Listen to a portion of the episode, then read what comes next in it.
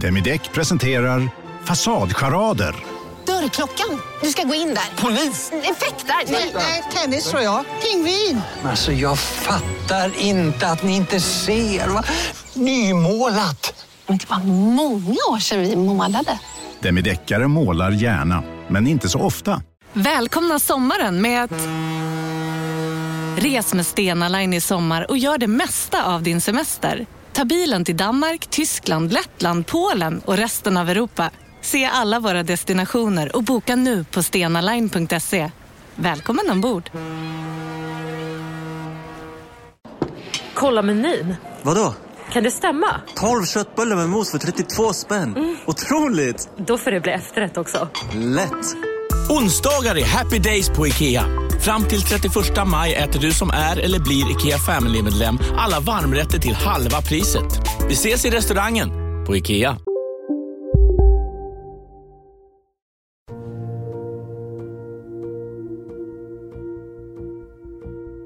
Jag var på väg in till eh, Odenplan för jag skulle sitta och plugga där. Simon har precis lämnat sin lägenhet i Bromma. Den här förmiddagen i november 2017 ska han in till stan för att arbeta med sin kandidatuppsats. Med musik i lurarna promenerar han längs Bällstavägen, den väg han alltid tar mot pendeltåget. Det är en backe och då så hör jag något eh, ganska kraftigt pang, eller flera. När jag har gått eh, längre fram, typ eh, 20 meter, så ser jag att det står en bil vid eh, vägkanten på vänster sida från där jag kommer, mot Sundbybergs centrum, som ryker. Den rykande bilen har kraschat in i ett staket av betong och trä. Huven är intryckt och rutorna krossade.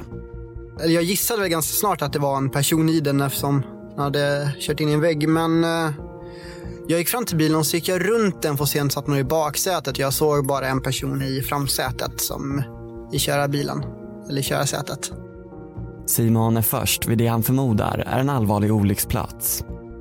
Genom rutan ser han en man hängandes framåtlutad, uppburen av bilbältet och omgiven av glassplitter och blod. Hans ansikte var vänt vad ska man säga, mot mig från krockkudden. Eh, och jag övervägde att eh, typ eh, försöka ta ut honom.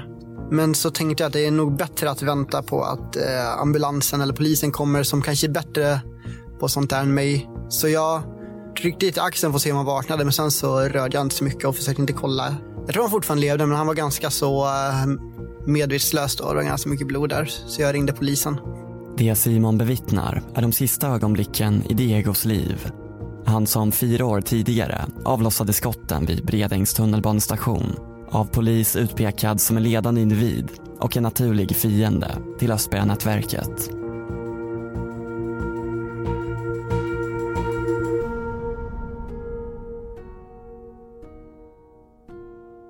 Du lyssnar på en mörk historia om Östbergakonflikten och jag heter Karl Fridsjö. Del 5. Utlösande faktor.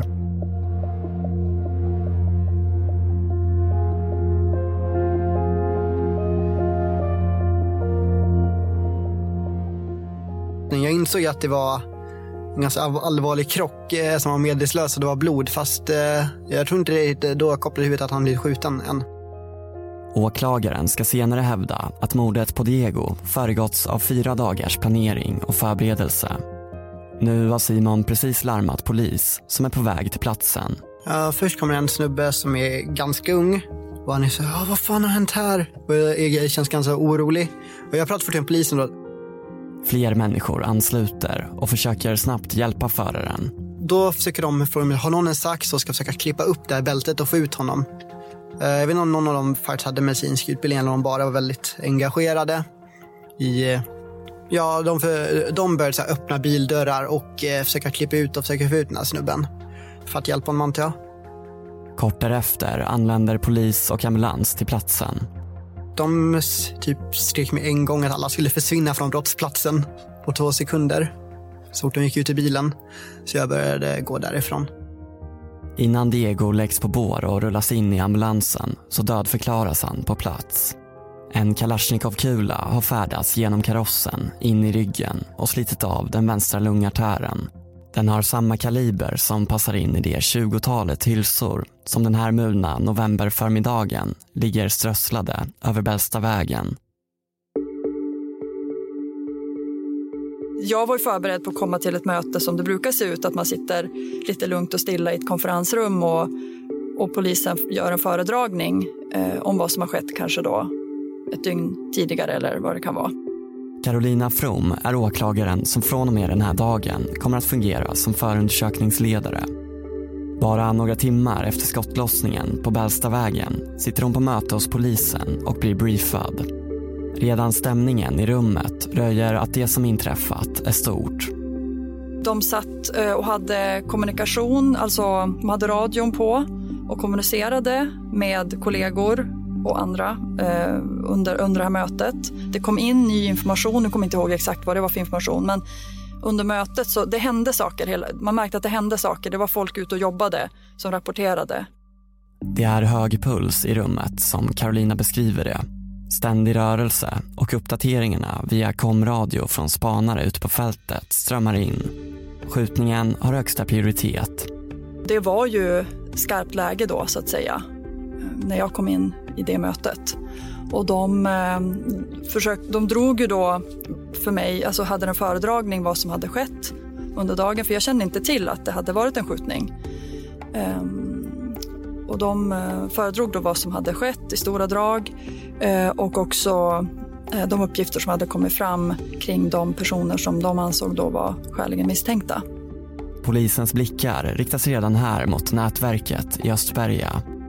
Att det har varit en sån konflikt historiskt eh, gör ju såklart att polisen eh, drar ju slutsatsen att, att gärningsmannen kanske, det kanske är större sannolikhet att gärningsmannen är någon ur den eh, andra grupperingen än att det är någon anhörig till honom eller en flickvän till honom. Det, det, det är väl det, sådana slutsatser man kan dra. Alltså det här är inte ett relationsmord utan det är något annat. Skjutningen har skett mitt på dagen på allmän plats och det är många personer i rörelse som kan berätta för polisen vad de sett. Det ska hjälpa dem under deras första utredningsinsatser. Det var ju främst eh, uppgifter om, de, om två bilar som hade använts i samband med det här mordet. Eh, det var dels eh, bilen som gärningsmännen eller gärningsmannen hade skjutit ifrån. Det är en Toyota av äldre modell med tonade rutor. Bilen ska senare hittas uppbränd vid Ängbybadet i Bromma där ytterligare ett vittne kan komma med avgörande information. I samband med att den bränns upp så är det en eh, kvinna med hennes make som åker förbi eh, på gatan bredvid och ser att det brinner en bil och i samband med det att det backar ut en bil i hög fart och kör, kör iväg. Och eh, de... Om det, ja, kvinnan skriver ner registreringsnumret på den här bilen som backar ut. Och hon kontaktar polis. Flyktbilen som rivstartar från brandplatsen visar sig vara hyrd tre dagar tidigare, den 17 november, på Hertz, Arlanda. Hade kvinnan inte skrivit ner registreringsnumret kanske den informationen aldrig hade nått polisen. Nu gjorde inte hon det för att hon förstod att det hade skett ett mord en, en liten stund innan. Hon gjorde det nog av andra skäl. Att, som jag förstod det egentligen att, att hon tyckte att det var någon som körde som en dåre. Men eh, det var ju... Annars hade vi nog haft svårt att, eh, att nå fram till den här eh, hyrbilen som var hyrd på Hertz. Då hade vi nog haft svårt att, eller vi, men alltså polisen hade haft svårt att hitta igen den tror jag. Men nu kan polisen snabbt få fram information om vem som står som hyrestagare till flyktbilen och begär också ut övervakningsbilder från Hertz hyrbutik. Och då kunde man se tre personer som var inne på, i samband med uthyrningen och man hade också namnet på den person som hade hyrt bilen. Så att det var egentligen mot bakgrund av det eh, och också mot bakgrund av att i vart fall två av de här personerna som hade ja, kopplats till de här bilarna eh, också kunde kopplas till Östberga-grupperingen. Så här tidigt i utredningen har polisen alltså redan ovanligt mycket att gå på.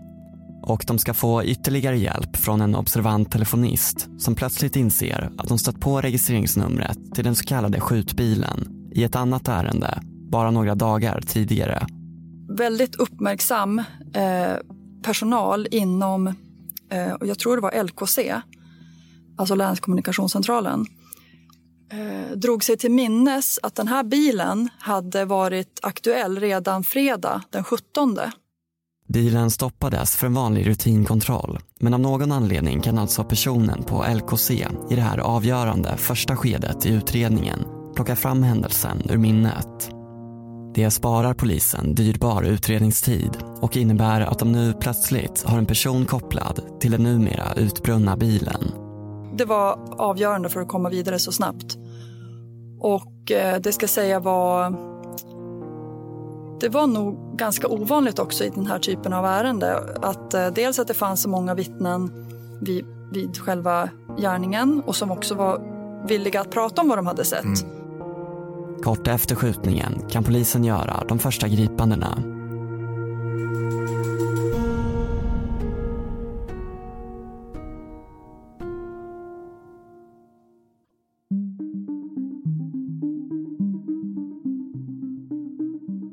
Kanske börjar allt fyra dagar tidigare med några telefonsamtal. Jag kan inte säga att jag direkt reflekterade över de här samtalen jag hade haft dagen innan. Att, att det på något sätt skulle vara någon form av utlösande faktor för... för ehm, och det, det gjorde jag inte, utan jag reagerade mera på att oj. Rickard Hugosson var en av poliserna som fick till uppgift att ringa de personer i Östberga som står närmast toppen.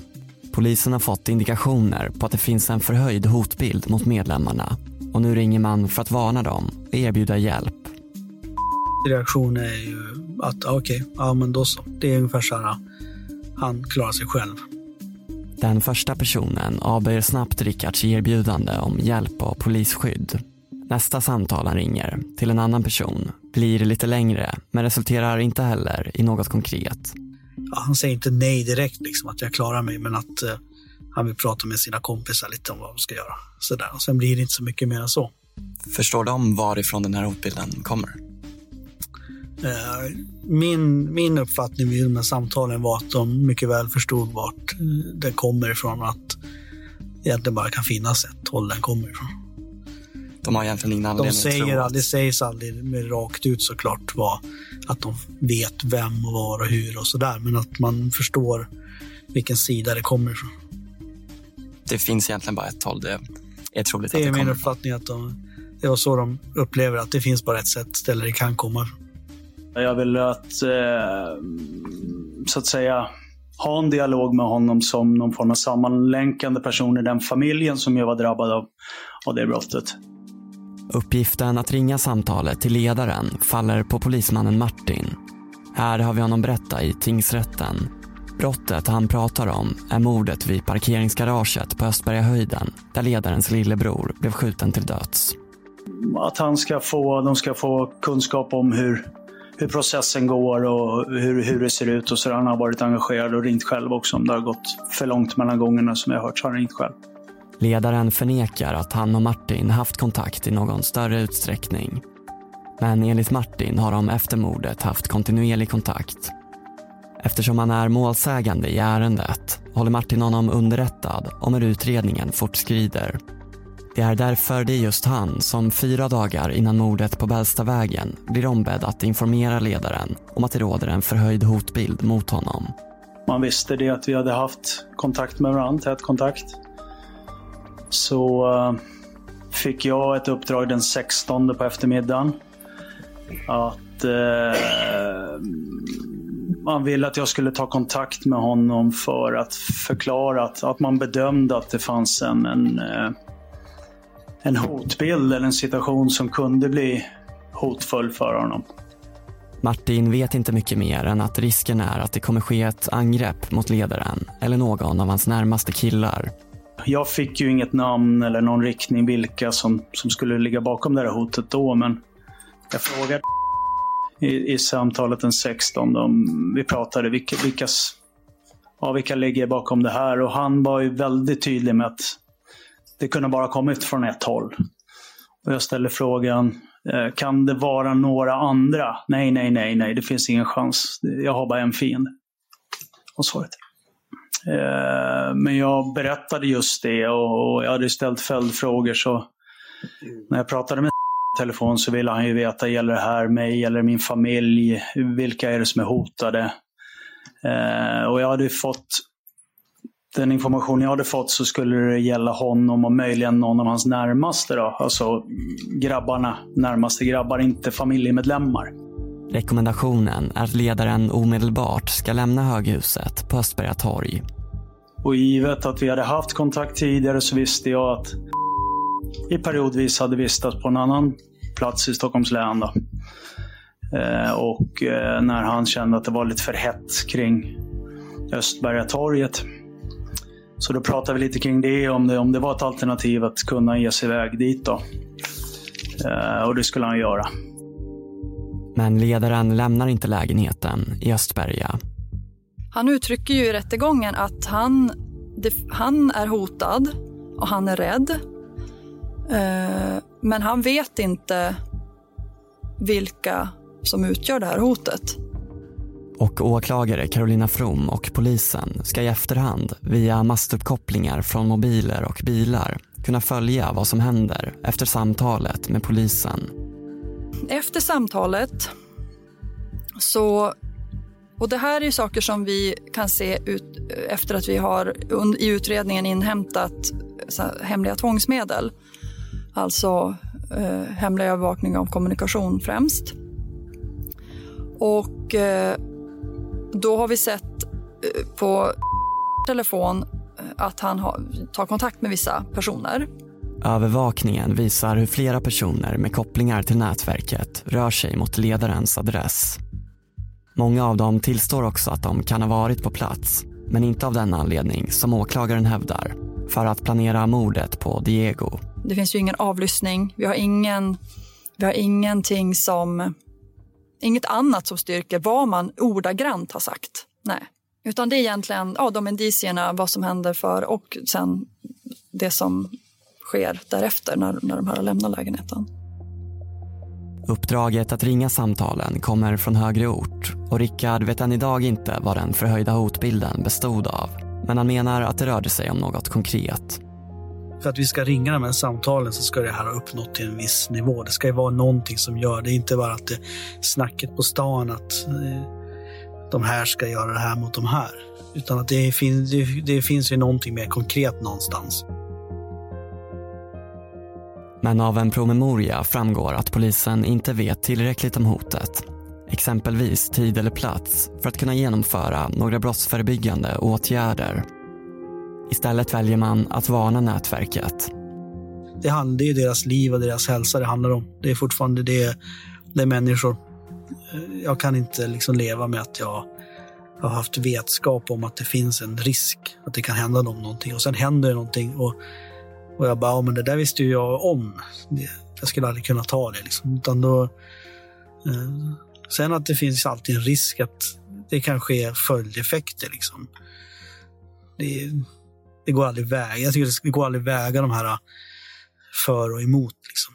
Jag kan aldrig göra, eh, det är inte, jag kan inte göra den bedömningen där och nu. Då, där och då om är det värt att ringa dem eller finns det större risk att de kommer hitta på någonting dumheter åt andra hållet. Rickard poängterar att Diego, precis som de ledande personerna i Östberga, länge varit måltavlor i konflikten. Det var dessutom inte länge sedan en av bröderna avrättades i parkeringsgaraget. Ett mord som polisen förväntat sig skulle leda till någon form av hämndaktion. Jag vet faktiskt inte vad jag tror. Eh, jag tror att det här, det här här hade kunnat hänt lika väl ändå. Det är min lilla känsla. Men han kan inte utesluta att polisens agerande ändå kan ha varit en utlösande faktor till det händelseförlopp som slutade i dödsskjutningen i Bromma. Sen om det påskyndades eller om det, eh, om det har någon faktor i det. Kanske det har, det vet man inte. Det är svårt att säga.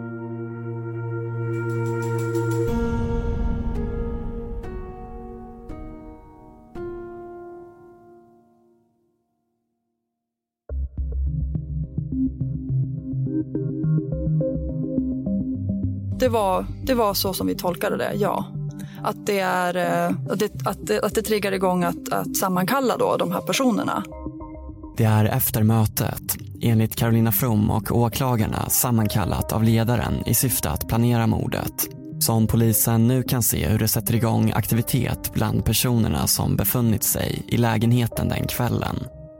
En av männen ringer ett telefonsamtal till en man som senare ska åtalas för att vara den som skjutit Diego till döds. Tack vare de många vittnesuppgifterna kan polisen utöver den så kallade skjutbilen tidigt koppla tre hyrbilar till mordet i Bromma. De är utrustade med simkort vilket gör att polisen i efterhand genom hur bilarna kopplat upp mot master kan följa vilka resor som gjorts och hur skjutningen planerats. Det blir helt avgörande för utredningen. Vi hade absolut inte kommit så här långt. Vi hade, jag tror inte vi hade haft ett åtal ens. Kort efter mötet kopplar en av hyrbilarna tillsammans med tre medlemmars telefoner upp mot master i närheten av en kyrka i Aspudden. Parkeringen vid kyrkan är en särskilt intressant plats för bara några dagar tidigare har polisen följt efter en bil som kört i området.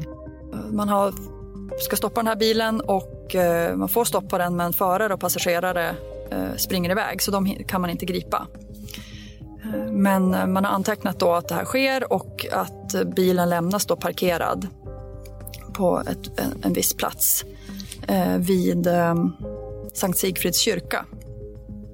I närheten av Sankt Sigfrids kyrka. Den övergivna bilen är den grå Toyota som vittnen mindre än en vecka senare kommer se användas vid dödsskjutningen i Bromma. Men nu, kvällen den 16 november, bara några timmar efter mötet hos ledaren, står den alltså här vid kyrkan i Aspudden. Ett vittne ser hur omkring sex personer rör sig runt bilen. Han gjorde också en iakttagelse. För den här bilen har ju stått där då ungefär två dygn efter att den har stoppats av polis. Så att han har gått förbi den där någon gång i alla fall under tiden han är på väg till och från sin bostad. Och då iakttagit att bilen har punktering på höger bakdäck. Under kvällen ska en av de personer som senare åtalas i samband med mordet skicka ett sms. Telefonen kopplar upp mot masten i Aspudden. Meddelandet innehåller bara en bokstavs och sifferkombination. 19650 R15. Det är bara det som står i smset. Och då är det en utredare som tycker att det här ser ut som en däck, det här skulle kunna vara en däckdimension. Och den utredaren slår på den här Toyotan, alltså skjutbilen. Vad har den för eh, däck, vad ska man ha för däckdimension till den här bilen? Och då överensstämmer det med den här siffror och bokstavskombinationen som skickade smset. Minuter efter mordet på Diego kommer den gråa Toyotan att stå i lågor vid Ängbybadet. Men innan dess ska bilen återigen dyka upp i polisens rapporter det är dagen efter mötet hos ledaren och kvällsturen till Aspudden som polisen gör en kontroll i Märsta. Nu är bilen i kö Om en yogamatta är på väg till dig, som gör att du för första gången hittar ditt inre lugn och gör dig befordrad på jobbet men du tackar nej för du drivs inte längre av prestation. Då finns det flera smarta sätt att beställa hem din yogamatta på. Som till våra paketboxar till exempel. Hälsningar Postnord. Bara på Storytel. En natt i maj 1973 blir en kvinna brutalt mördad på en mörk gångväg. Lyssna på första delen i min nya ljudserie. Hennes sista steg av mig, Denise Rubberg. Inspirerad av verkliga händelser. Bara på Storytel. Ah, dåliga vibrationer är att skära av sig tummen i köket. Ja! Bra vibrationer är att du har en tumme till och kan scrolla vidare. Alla abonnemang för 20 kronor i månaden i fyra månader. Vimla! Mobiloperatören med bra vibrationer. Hållbart skick och polisen noterar också något på bakrutorna. Det är som han uttrycker det slarvigt ditsatt solfilm. Man har alltså klistrat någon svart plast på bakrutorna. Och det är också, det finns solfilm eh, sån ditsatt solfilm på bilen när man hittar den utbrunnen. Och det är också det som eh, personer beskriver av bilen när, man, eh, när den kör här på Bällstavägen, att den har, den har svarta bakrutor. Under tiden åklagarna menar att skjutbilen utrustas med solfilm och får däcken bytta i syfte att göras redo för att användas vid mordet kan polisen följa de övriga bilarna och telefonerna. Genom mastuppkopplingar kan polisen se hur bilarna under den 17 och 18 november i timmar uppehåller sig i områden runt Mariehäll där Diego vid den här tiden tillfälligt bor och runt Ängby och Blackeberg där den så kallade skjutbilen senare ska hittas uppbränd efter mordet. Det vi, vi tyckte då var ju att det här, det här kan inte betyda något annat än att man har åkt ner i de här områdena för att ja, rekognosera. Att se ut en lämplig plats att eh, skjuta, att spana på honom, eh, att se ut en lämplig plats att placera flyktbilen, en lämplig plats att bränna upp eh, den bil man har skjutit ifrån. Det var väldigt tydligt och det har ju, det har ju både tingsrätt och hovrätt eh, köpt det resonemanget. De har ju kommit fram till att det, här, det är uppenbart att det är rekognoseringsresor det handlar om. Två män ska senare åtalas för att ha genomfört de här så kallade rekognoseringsresorna. De har båda haft samtal om hotbilden med Rickard Hugosson. Deras mobiler är båda inaktiva under tiden bilarna befinner sig vid de här områdena. Det är väl det som är ja, utmaningen. Att det ger väldigt mycket, det, man, man kan komma långt i en utredning men fortfarande så säger det inte fullt ut vem eller vilka som har varit på de här platserna där telefon eller bil har kopplat upp. Att de två bilarna dagar innan mordet används för att kartlägga Diego och se ut en lämplig angreppsplats och flyktväg. Det står genom bilarnas simkort tidigt klart. Men vem eller vilka som befunnit sig i bilarna när ska bli svårare att bevisa. Men under dagarna som leder upp till mordet fångas en av männen på en övervakningsfilm vid en bensinmack. Och då är frågan efter, som kommer efter då, att vi tittar på den här filmsnutten är om, om det är du på eh, filmen. Och då är det bilden som svänger in, eller bilen som svänger in här i bild. Det är runt femtiden och i nära anslutning till att polisen genom bilens mastuppkopplingar kan visa att bilen är ute på en av de här rekognoseringsresorna i Mariehäll. Nu, den som kommer in här. Vad säger du om det? Nej, det är inte jag. På filmen syns en man som åklagarna menar är den åtalade när han kliver ur bilens passagerarsäte och öppnar bagageluckan. Mannen försvinner sen ur bild och kort därefter åker bilen iväg. Det är inte du? Nej. Och, eh, och, och, du, och, och varför är du så säker på det då? För jag vet att jag inte har varit i den macken och dessutom ser jag att inte jag. Okej. Precis som när bilarna befinner sig i Bromma för att spana efter Diego och se ut en lämplig flyktväg är de två männens mobiler inaktiva även den 20 under den tid som mordet sker. Åklagarnas teori är därför att de båda männen närvarar vid brottet men i en annan bil än skjutbilen. Den 19 november, dagen innan mordet, reser ledaren till Amsterdam.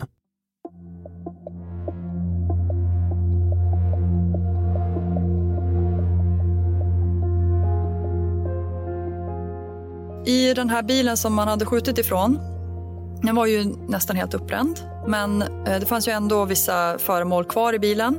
I den utbrända bilen hittas utöver automatvapnet som användes vid skjutningen en kommunikationsradio, en kikare, en engångsoverall, kulor och hylsor. Och de föremålen och bilen har ju tekniker då topsat för, för att söka DNA. Eh, och då var det en handske som låg i baksätet på bilen som var nästan helt uppbränd men finger, delar av fingrarna var kvar på handsken. Nationellt forensiskt centrum, NFC, har redan undersökt föremålen efter DNA utan att hitta några spår. Men polisen ger inte upp hoppet. Jag vet att det var en av polisens utredare som var ganska ihärdig där och var, låg på och ringde NFC eh, och sa att men, ni måste kolla vidare, det måste finnas någonting. Någonstans måste någon ha lämna, lämnat spår. Eh, och till slut så, då, så fick, fick vi beskedet om det här med handsken. Det är efter att ha undersökt föremålen igen som NFC till slut får en träff. DNA-spåren matchar den man som blir uppringd efter mötet hos ledaren. En man som inte tycks ha någon egentlig koppling till den pågående konflikten mellan nätverken.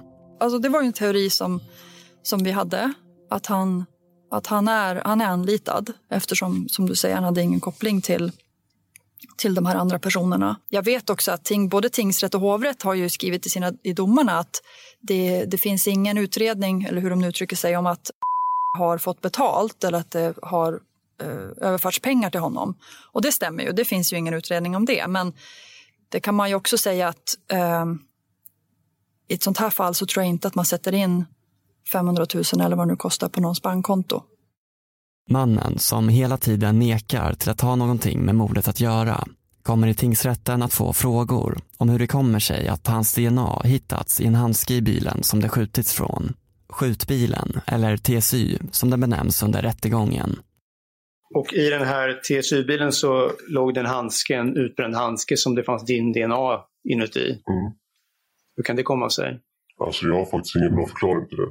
Och hade jag vetat, hade jag haft en förklaring så hade jag berättat. Liksom. Och det är påfrestande och jobbigt att inte vet. Men alltså det enda logiska jag kan komma på och tänka det är att jag har gett bort dem till någon eller glömt dem någonstans eller ja, någonting i den stilen. Utöver handsken ska polisen också hitta DNA-spår på en bältespännare i den hyrbil som används till att fly från brandplatsen. Den som ett uppmärksamt vittne skrev ner registreringsnumret på. Har du varit i den bilen? Alltså tydligen så har jag haft kontakt med den på något sätt eftersom mitt DNA fick anträffats i bilen. Så jag har ju kunnat få skjuts i den eller suttit och rökt, någon, rökt en joint där. Och det är inte helt konstigt för att jag har ju varit i Märsta till och från och den har ju befunnit sig i Märsta en hel del och åkt runt där. Så det, alltså jag förnekar inte att jag kan ha suttit i den, nej. Mannen förnekar inte att han kan ha åkt i bilen vid någon tidpunkt, men inte i anslutning till mordet.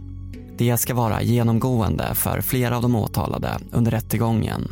De förnekar inte att de visserligen kan ha åkt i hyrbilarna under de här dagarna. De upplever sig alla hotade och lever därför ett liv i ständig rörelse där de ofta byter bilar. Men de står fast vid att de inte har gjort det i samband med planerandet eller utförandet av mordet. Men personen vars DNA hittats i två av bilarna ska också få frågor om en annan besvärande omständighet som kanske kan binda honom till skjutningen. Och sen så har man ju också tittat på kläder som man tog i beslag från dig och hittade partiklar som ja, har en sammansättning som liknar sådana som tändsatspartiklar har. Mm. Alltså sånt som kommer från typ hylsor och sånt där. Ja. Kan du förklara det? Alltså jag har eh, varit mycket på en skjutbana i Rosersberg. För jag har en vän där som är medlem i en skytteförening och då har jag fått ja, varit med och testat hans vapen och sådär. Och sen så förekommer ju att vissa vänner ska gå ut och testa vapen i skogen och då har jag följt med och bara tittat på liksom. Så det kan vara så. Jag har haft den där, du menar jackan och mössan va? Ja, just det. Ja, så jag har haft den väldigt länge, alltså flera år. Så. Mm. Har du själv skjutit något vapen någon gång? Ja, där på skjutbanan ja. På skjutbanan? Ja. Det är ju, han är ju med där i skytteföreningen så vi springer runt och latchar lite och så. Vi väckte ju åtal för att vi eh, tyckte att vi hade tillräckligt eh, med bevisning för fällande dom. Så det är ju den, eh, med den liksom, uppfattningen eller vetskapen som man går in i förhandlingen. Sen så en tingsrättsförhandling eller en domstolsförhandling, eh, det är så mycket som kan hända under förhandlingen. Bevisningen är liksom inte statisk. Eh, man vet inte vad som vad vittnen berättar eller vad de tilltalade kommer att berätta och så. I juni 2018 har månader av utredningsarbete till slut gett Carolina och hennes kollega tillräckligt med underlag för att väcka åtal. I en över 3000 sidor lång förundersökning kartläggs de sju personerna noggrant. Det är allt från övervakningsfilmer, telefon och masstömningar till analyser över tändsatspartiklar och DNA. Sveriges Radio, P4 Stockholm. Det var i november som en våldsam biljakt i Mariehäll, Bromma slutade med att en 28-årig utpekad som gängledare sköts till döds. Idag så väcker åklagaren åtal mot två personer för mord, mot fyra personer för medhjälp till mord och minst en person åtalas för anstiftan till mord. Där skriver Dagens Nyheter.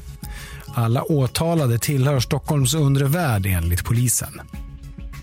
Enligt åklagarna föregås alltså mordet av noggrann planering. Det sker på öppen gata mellan kriminella och med skjutvapen. Det är just den typen av brott som är bland de svåraste att klara upp och väcka åtal för.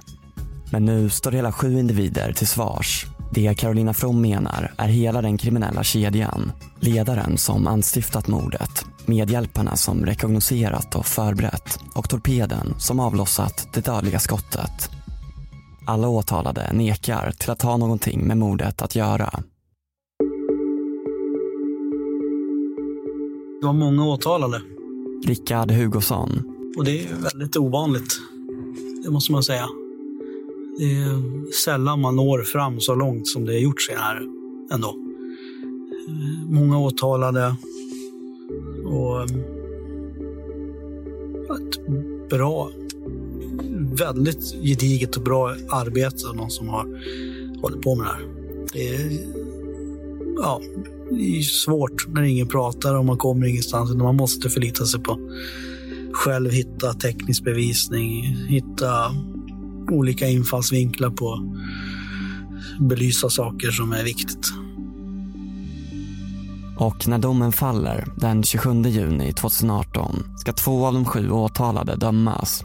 Mannen vars DNA hittades i en handske i skjutbilen döms till 18 års fängelse för mord.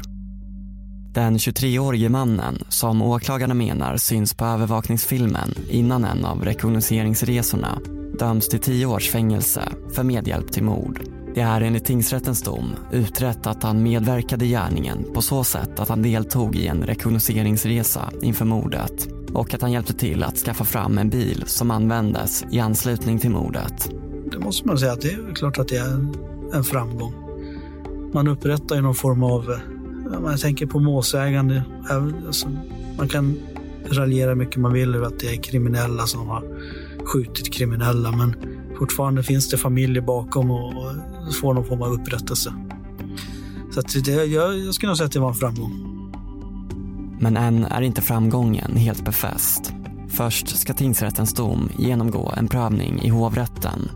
Och när vi i september 2018 träffar Rickard Hugosson för vår intervju har han dagen innan nåtts av ett förvånande besked. Sen igår så kommer hovrätten, ja, där eh, kommer, domen kommer den 18, men under gårdagen så beslutade hovrätten att släppa de två som sitter frihetsberövade. Vilket skulle ju kunna visa på att de kommer att bli friare. Det får vi se den 18 hur det blir. Hovrättens dom har här ännu inte fallit. Den ska meddelas först några dagar senare. Men eftersom de två personer som döms i tingsrätten försatts på fri fot ger det en tydlig indikation på att domen kan komma att bli friande. Alldeles nyss kom domen från hovrätten gällande de två männen som tidigare dömts till 18 respektive 10 års fängelse för mordet i Bromma i november förra året. Och den 18 september blir det bekräftat. Hovrätten frikänner de två männen. Sveriges Radio P4 Stockholm. Men enligt hovrätten idag så räcker alltså inte bevisen för att komma till samma slutsats och de två männen frias. Vid en första anblick, som hovrätten uttrycker det, framstår den tekniska bevisningen som graverande för mannen som i tingsrätten dömdes för mord. Men de drar andra slutsatser kring vad den tekniska bevisningen egentligen visar. Hovrätten menar bland annat att det inte är ställt utom rimligt tvivel att handsken faktiskt hamnade i bilen i samband med skjutningen. Det finns utrymme för att den gjort det tidigare. Alltså kan den inte bindas till själva skjutningen. Vad gäller tändsatspartiklarna som återfanns på mannens kläder två månader efter mordet drar hovrätten slutsatsen att det inte är bevisat att partiklarna inte hamnat där på grund av kontamination. Jag tycker inte att det var väntat. Jag blev förvånad, måste jag säga. Att det blev så. Vad gäller mannen som dömdes för medhjälp menar hovrätten att det inte är bevisat att han befann sig i hyrbilen under rekognoseringsresan. På övervakningsfilmen syns han nämligen aldrig sätta sig i bilen igen innan den åker iväg. Så är det. Det är två, det är, det är två prövningar som ska ske. Så är det nästan till alltid. Tingsrätt och sen hovrätt. Och rent krasst så är det ju så. Det som beslutet som kommer i hovrätten är ju det som i slutändan gäller. Men jag är lite förvånad över. Hovrättens dom innebär slutet på en utredning som tack vare flera viktiga vittnesuppgifter och teknisk bevisning kom ovanligt långt. Men trots att ingen av de sju åtalade personerna dömdes tror Rickard ändå att åtalet påverkat nätverket. De blir, har blivit åtalade. Det har liksom, de lyfts fram som... De har ju varit misstänkta. Det kommer fram väldigt mycket saker i en förundersökning som blir offentligt. Det är klart att det påverkar dem. Sen får vi se vad, vad som händer nu framöver. Det är jättesvårt att säga om.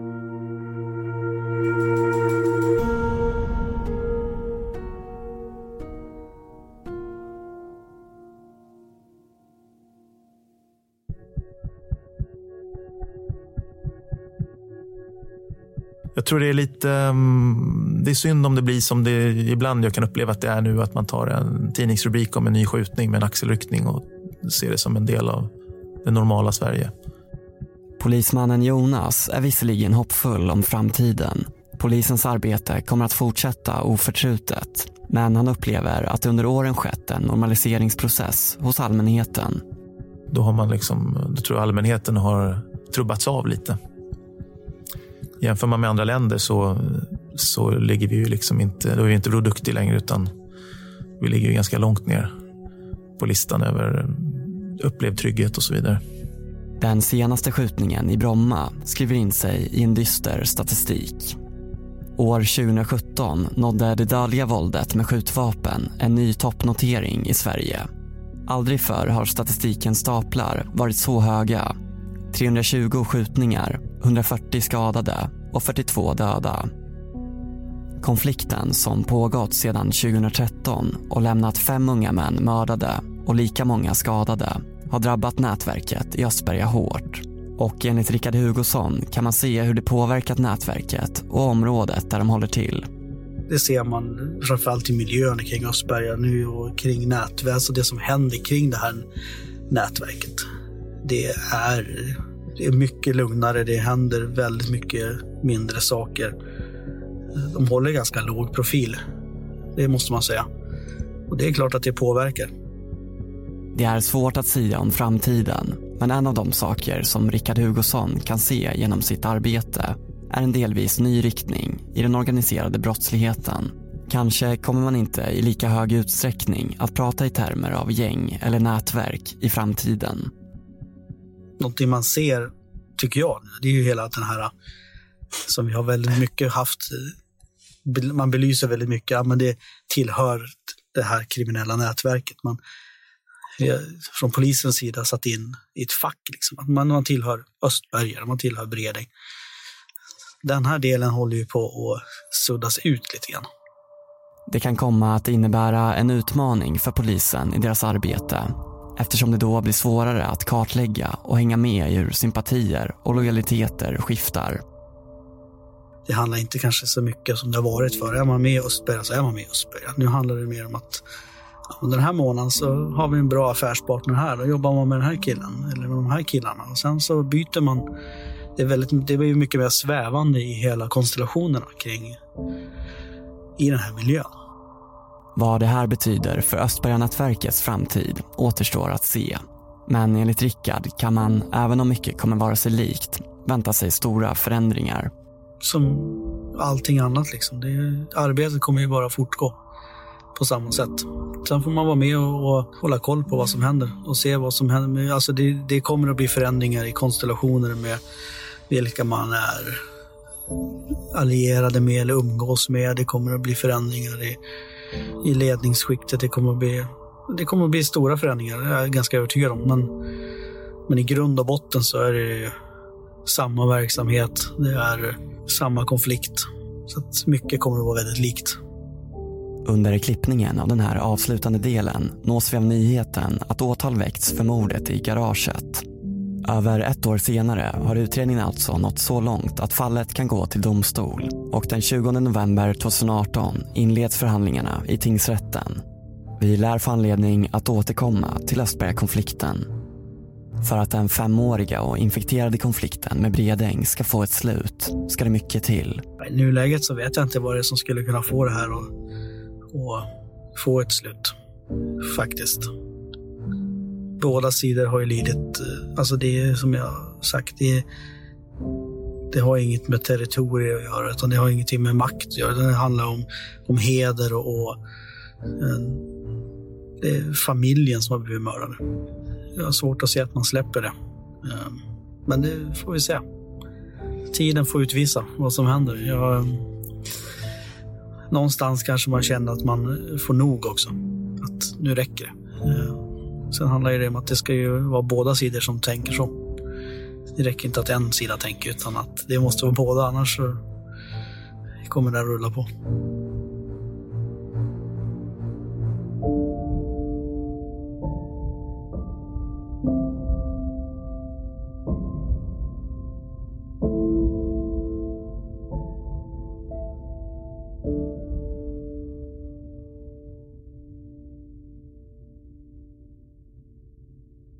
Lyssnat på den femte och avslutande delen av en mörk historia om Östbergakonflikten. Serien är producerad av Joel Silberstein Hont och av mig, Karl Fridsjö. Temamusik Ola Tappert på underton. Övrig musik Epidemic Sound. Distribution Acast. Tryck på prenumerationsknappen i din podcastspelare så att du får en notis om nya avsnitt.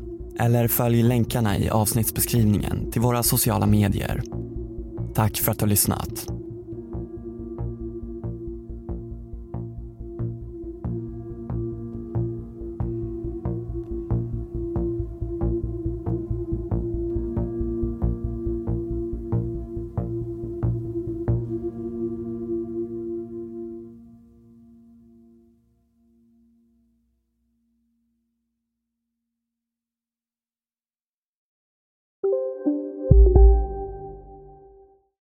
Här sitter jag i en ljudstudio tillsammans med ett sjölejon för att berätta att McDonalds nu ger fina deals i sin app till alla som slänger sin takeaway förpackning på rätt ställe. Även om skräpet kommer från andra snabbmatsrestauranger, exempelvis Eller till exempel Ja, precis. Hej! Är du en av dem som tycker om att dela saker med andra? Då kommer dina öron att gilla det här. Hos Telenor kan man dela mobilabonnemang. Ju fler ni är, desto billigare blir det. Skaffa Telenor familj med upp till sju extra användare. Välkommen till någon av Telenors butiker eller telenor.se. Hej, Susanne Axel här. När du gör som jag och listar dig på en av Krys vårdcentraler får du en fast läkarkontakt som kan din sjukdomshistoria. Du får träffa erfarna specialister, tillgång till lättakuten och så kan du chatta med vårdpersonalen. Så gör ditt viktigaste val idag, lista dig hos Kry.